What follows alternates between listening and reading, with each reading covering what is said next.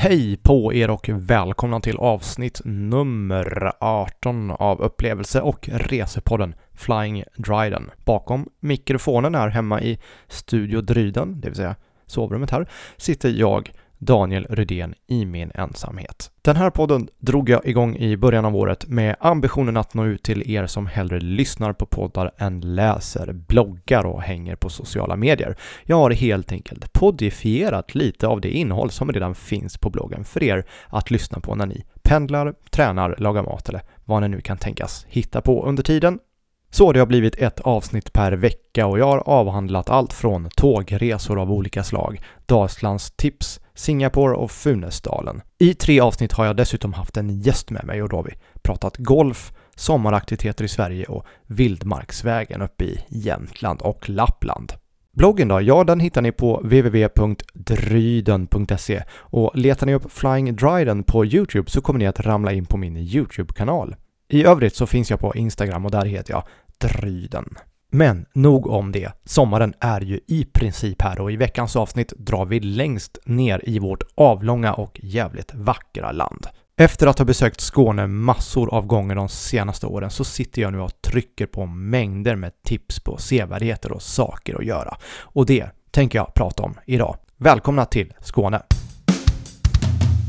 Ja, de senaste åren har Skåne blivit ett av mina allra mest besökta landskap och jag kan inte riktigt sätta fingret på varför, men någonstans har det hela landskapet som ett skimmer av kontinenten över sig. Allt från natur till arkitektur. Språket behöver vi inte ens gå in på. Och i det här avsnittet så kommer jag röra mig från Kristianstad och eh, Åhus genom Österlen ner till Ystad och bort till Abbekås, Skanör, Malmö och Kullabygden. Och vi börjar i Åhus. Och här håller nämligen ett av världens mest kända märken till. Ni har säkert hört talas om Absolut. Och när det kommer till sprittillverkning så har företaget verkligen satt just Åhus och Skåne på kartan. Sen 2018 så finns deras showroom Absolut Home och där kan man göra en rundvandring och få en guidad tur. Det kanske mest märkvärdiga av allt med Absolut är att det tillverkas i Skåne och Åhus Absolut baseras också på svenska och framförallt lokala råvaror som mestadels produceras av skånska bönder. På den här rundturen så får man höra hela företagets berättelse. Allt från svenskarnas supande på 1800-talet, bråken med Stockholms stad och fabriken på Reimersholme och allt annat som såklart bygger en bra story kring det här varumärket. Förutom själva villan då där utställningen äger rum så fick vi också en snabb titt på en av fabrikerna i kvarteret. Räkna med att rundturen tar ungefär en och en halv timme och det är faktiskt värt det. Det här är storytelling i sin allra bästa form. En annan sak man kan göra i Åhus är att spela golf och framförallt då på Åhus Östra och den här golfbanan är framröstad som en av Sveriges bästa golfbanor. Sen att jag slog bort massa bollar på den här banan, det är ju inte banans fel. I vilket fall, spelar ni och vill ha en bra golfupplevelse så är det hit ni ska åka om ni ändå är i krokarna. Inte gratis, men väl värt pengarna. Vi stannar kvar lite i Åhus för den här orten har nämligen sitt eget glassmärke med anor från 1950-talet. Otto och glassfabriken, kanske mer känd som Otto glass eller Åhusglass, ska såklart gynnas när man är här. Köp en glass på bryggan och strosa omkring och njut, det är det helt klart värt. Flyttar vi oss lite in i landet och åker till Kristianstad så kan vi här hitta en punkt som kanske inte är lika känd som sin motsats. Ni har säkert hört talas om Kebnekaise och Sveriges högsta berg, men visste ni att Sveriges lägsta punkt ligger i Kristianstad? Det här ligger bara en kort promenad från närmaste parkering och här kan man även slå sig ner för en fika. Så mycket mer än så är det inte, men samtidigt, en av Sveriges ytterligheter ska givetvis besökas om man är i närheten.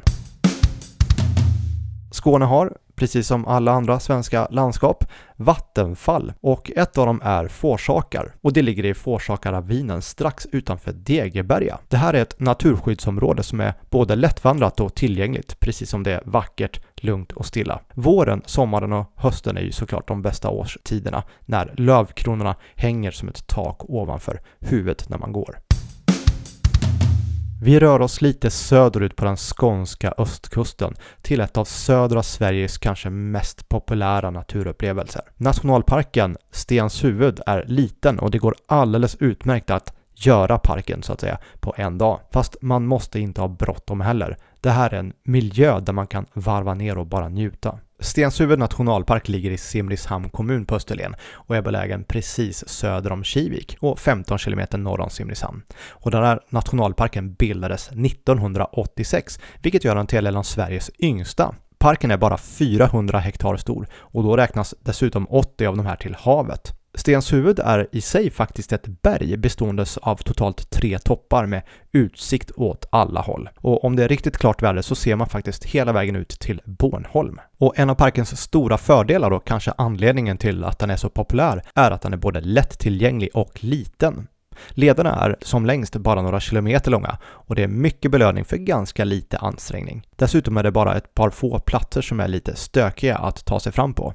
Parken består annars av ängar, lummig lövskog och stränder i både sand och klippformat.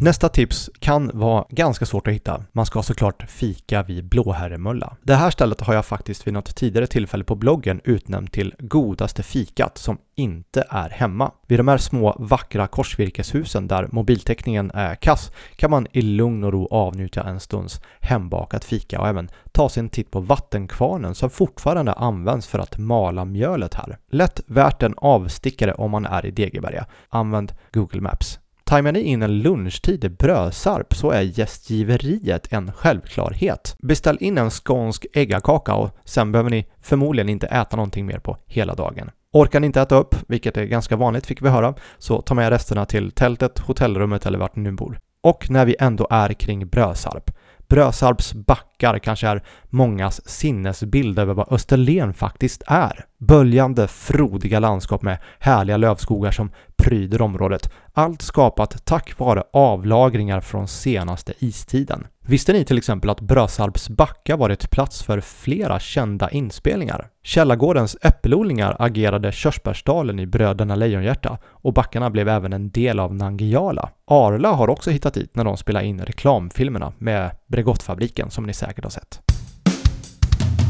Vi flyttar oss ytterligare en bit söderut och Sveriges finaste sandstrand sägs ligga här nere, nämligen Sandhammaren. Lång, bred och med superfina sandkorn. Och i området finns även ett utsiktszon för den som hellre ser stranden ovanifrån. Här ska man dock se upp om man ska bada för det är väldigt luriga undervattensströmmar vilket också är väldigt tydligt skyltat. Fortsätter vi längs kuststräckan så kommer vi snart till den klassiska och mytomspunna platsen vad gäller sevärdheter i Skåne. Ales stenar, en skeppssättning med 59 stora block på 5 ton vardera och den här ligger fantastiskt vackert på en höjd med enastående utsikt över Östersjön. Man har daterat den här skapelsen till 540 till 790 men där tyngdpunkten dateras till 600-talet tack vare kol-14-dateringar på objekt som har hittats här i området. Platsen har däremot varit bebodd betydligt längre än så och man har här hittat rester av en eldstad som dateras till ungefär 5300 till 5600 år. Vi fortsätter längs kusten och kommer snart till Ystad som är en av Sveriges mest välbevarade städer. Strukturen från medeltiden finns kvar och hela Gamla stan består av byggnader från olika tidsepoker. Men även om just medeltiden är påtaglig med sina korsvirkeshus så är det faktiskt 1800-talets stenhus som är dominerande. I vilket fall, stan är, om ni frågar mig, en av Sveriges finaste och väl värd att strosa runt i och upptäcka. När vi cyklade i Skåne så kom vi till en liten ort, till en liten by nästan, som heter Abbekås och den ser ganska obetydlig ut på den skånska sydkusten. Men svänger man av den så kallade stora vägen och tittar till hamnen så kanske man hittar en ny favorit. Nere i hamnen i Abbekås så finns det förutom massa båtar och såklart även en restaurang med fantastiskt bra mat. Och efteråt så kan man ta en skön promenad längs havet för att smälta maten. Och miljöerna här är riktigt fina. Och så kommer vi såklart till ytterligare en ytterlighet i Sverige. Vi har ju redan avhandlat lägsta punkten. För i Skåne finns ju faktiskt Sveriges sydligaste udde och den hittar vi vid Smygehuk. Och här går det under sommarmånaderna att njuta av färskfisk, glass eller bara strosa omkring. Samtidigt går det att fascineras över faktumet att precis hela Sverige ligger norrut just här. Och förutom själva sydligaste udden så har Smygehuk också en mur för att hålla ormar och människor åtskilda och det tackar vi såklart lite extra för. Muren byggdes 2019 efter att Trelleborgs kommun fått in rapporter om att många huggormsbitna personer sökt sig till sjukhus. Sen muren stod klar så inventeras beståndet och ormar flyttas över till rätt sida och märks upp. Och hittills så sägs det att ingen orm som blivit flyttad har tagit sig tillbaka till den östra sidan där vi turister håller till. Det här inhägnade området är också skyltat där det går att läsa mer. Och fortsätter vi vidare längs kusten så kommer vi snart till Skanör och längst ut på sydvästra spetsen av Skåne hittar vi Skanör med Falsterbo och kanske landskapets mest kända strand efter Sandhammaren då såklart. Lång och härlig med fina vyer ut över havet plus närhet till både golfbana och cykelleder. Det här är kanske inget ställe man åker till för en stunds egen tid under högsäsongen, utan tvärtom, räkna med mycket folk här. Strax norr om Skanör så har vi ett av Sveriges mest kända byggnadsverk, Öresundsbron, och den står självklart ut bland alla sevärdheter i Skåne. Det finns flera bra platser för fina vyer, dels vid utsiktspunkten alldeles norr om brofästet, men också längs cykelleden utanför Bunkeflo strand. Och ja, det går såklart att cykla under bron om man nu vill göra det. En kul grej att ha gjort. Och efter Öresundsbron så kommer man efter några mil upp till Malmö och där kan jag tipsa om Slottsparken. Det här är ett gammalt militärt övningsområde men som år 1900 invigdes som Malmös slottspark. Här finns breda fina alléer, promenadstråk och dammar att sitta vid och filosofera. Jag tycker egentligen inte om att jämföra med utländska diton, men Central Park i New York ligger faktiskt ganska nära till hans. Och sist ut i det här avsnittet så kommer vi upp till Kullabygden och Kullens fyr. Och inte nog med att Skåne har Sveriges sydligaste udde och lägsta plats som jag redan har pratat om. Här finns också landets högst belägna fyr. Kullens fyr anlades 1561 och har en riktigt fin utsikt och tillika dramatisk historia. Man räknar med att över 200 skepp har förlist här ute och flera av dem ligger fortfarande kvar i havet. Kullabygden är ju också mer än bara fyren. Vi har Kullabergs naturreservat, golf, keramiktillverkning, mysiga gästgiverier plus både sandstränder och klippor att hoppa från. Och som ett bonustips, om det regnar i Skåne, så köp ett paraply eller dra på dig dina vattenavvisande kläder och upptäck alla de här sevärdheterna, även om det just skulle råka regna. Det finns ju som sagt inga dåliga väder. Sådär, kära ni, det var alltså Skåne och jag hoppas att ni har snappat upp en och annan idé oavsett vart ni bor i Sverige. Ni kanske bor i Kiruna eller rent av bor i krokarna och inte känner till något av de här. En sista grej bara innan vi lägger på för idag. Jag tycker såklart att ni ska börja prenumerera på den här podden och även aktivera aviseringarna i poddappen. Allt är såklart helt gratis och så får ni en liten ping varje gång det kommer nya avsnitt. Var gör ni då det här? Jo, i valfri poddapp, till exempel den ni redan använder just nu. Kör ni iPhone så finns den inbyggda poddappen Podcaster och kör ni Android så finns bland annat appen Google Podcasts att tanka hem från Google Play. Med allt här sagt, nu ska jag andas lite och jag tackar stort för att ni har lyssnat på dagens avsnitt. Och till nästa gång, ta hand om er.